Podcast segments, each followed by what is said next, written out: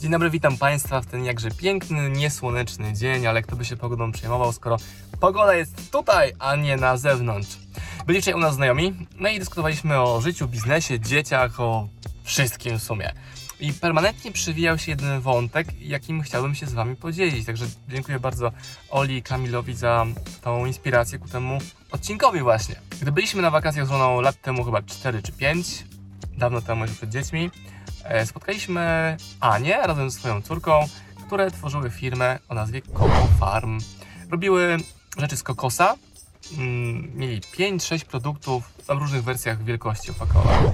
No i ci wchodzę do sklepu i patrzę, jest sobie takie coś jak opowieści zdrowej treści, krem hałwowy, wegański, śrutu, tutu i tak dalej, właśnie by Coco Farm.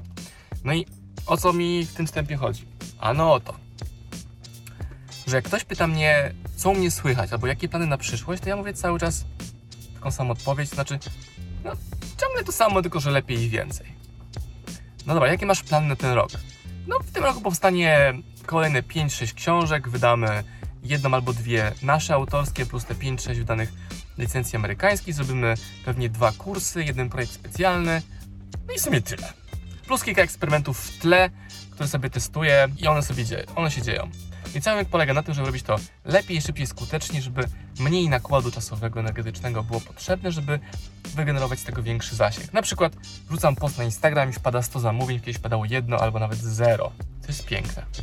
Tak samo z wysyłką mailingu o nowej książce. Wysyłam, cały czas zbieram maile. Codziennie do mojej bazy wpada jeden mail, czasami 10, czasami 100 maili. I ta baza rośnie. I co to ma wspólnego z tym Coco Farmem? No właśnie to, pozdrawiam Coco Farm, oni od lat robią dokładnie to samo, tylko dokładają nowe produkty do oferty. Czyli wymyślili sobie pewnie, że poszerzą ofert, ofertę raz, że o swoje produkty, bo kiedyś robili dla innych firm. Coco Farm było takim white label dla innych firm, teraz mają swoje rzeczy i mają krem hałwowy sezam kokos z cukrem kokosowym, wysoka zawartość błonnika, bez nabiału. Pięknie. Tak samo znajomi wczoraj moi Ola i Kamil mają szwalnie. No co robią? Szyją ciuchy. I co robią? No mają hurt, mają detal, mają swój projekt, mają projekty specjalne, robią różne eksperymenty. Z nami teraz też tworzą taki prototyp nowego produktu, to są najbardziej linii produktów. No i to, co oni robią, to robią cały czas to samo. Czyli branżę tekstylną. Jeżeli napiszą książkę, będzie ona właśnie o takiej tematyce. Jeżeli wydadzą kurs, on będzie o takiej tematyce. Pytanko, czy do klienta indywidualnego, czy do klienta branżowego, nie wiem, hurtowego, czy B2B. I większość biznesów, które widzę wokół mnie, moich znajomych od lat, ma dokładnie taki sam model. Oni robią cały czas to samo. Jest jakiś lekki twist, większa oferta, mniejsza, ale nie ma takich przeskoków na zupełnie inne biznesy. Znaczy, jak sobie spojrzysz z boku, no to tam jest u nich kilkadziesiąt, kilkaset produktów czasami, ale one są cały czas w tej samej kategorii. I czemu to tak jest? No bo im dłużej działasz, tym jesteś lepszy w danej branży, masz więcej wiedzy i tym teoretycznie są większe szanse na to, że odniesiesz w tym sukces. Tak jest u nas. Że z każdym rokiem czuję, że pracuję jeszcze lżej, a efekty są jeszcze większe, bo raz, że się rozpędziła kula śniegowa, zasięgów Osmana, OSM Power i tak dalej, ale każda kolejna książka jest łatwiej wydana.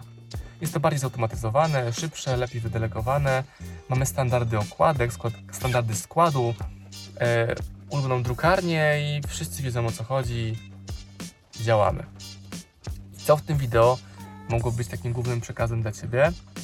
No właśnie nie skakanie z kwiatka na kwiatek, że ludzie nie wytrzymują odpowiednio długo w danej branży i znaczy nie poddają się, oni po prostu zmieniają branżę na inną. Jednego dnia sprzedają koce z alpaki, drugiego dnia jakieś suplementy, trzeciego dnia są ekspertami od pozycjonowania, piątego dnia robią jakieś wycieczki, albo inwestują w nieruchomości, albo są w MLM-ie. Teraz nie ma nic złego w wszystkich tych rzeczach, które wymieniłem. Pytanko tylko jest takie, czy na pewno, na pewno wykorzystałeś maksa doświadczenia i niezbyt wcześnie zmieniasz branżę, czyli robisz ten przeskok niezbyt wcześnie. No i to jest cała sztuka tego przedsięwzięcia, jakim jest biznes. Z drugiej strony można całkowicie moje tezy podważyć i pokazać przykłady ludzi, którzy robią przeróżne tematy, tak odjechane, przeróżne im wychodzi. Ktoś powie, Richard Branson. No dobra, ale nie jesteś Bransonem, bardzo mi przykro, Bransonie, bo gdybyś był Bransonem, to byś tego wideo nie oglądał, bo byś napierdalałaby swoich 100 tysiącach różnych marek. No tak byłoby. Kropka. I ludzie, którzy robią, to myślą w jaki sposób mogą poszerzyć tą ofertę głęboko i szeroko, a versus nie, że 15 różnych branż. No, my na przykład mamy nieruchomość, mamy partnerstwa, jest dywersyfikacja, ale core nasz to jest 95% rzeczy wydawnicze, około wydawnicze i rzeczy edukacyjne. Jak sobie wymyślę jakiś inny projekt, to będzie był eksperyment. Nie zostawiam, nigdy nie zostawię kosztem głównego biznesu nowego projektu. Chyba, że ten projekt w fazie walidacji będzie miał ponadprzeciętne wyniki. Wtedy pomyślę, hmm, a może wziąć 10% mojego czasu z głównej roboty i przesunąć na rzecz tego nowego projektu.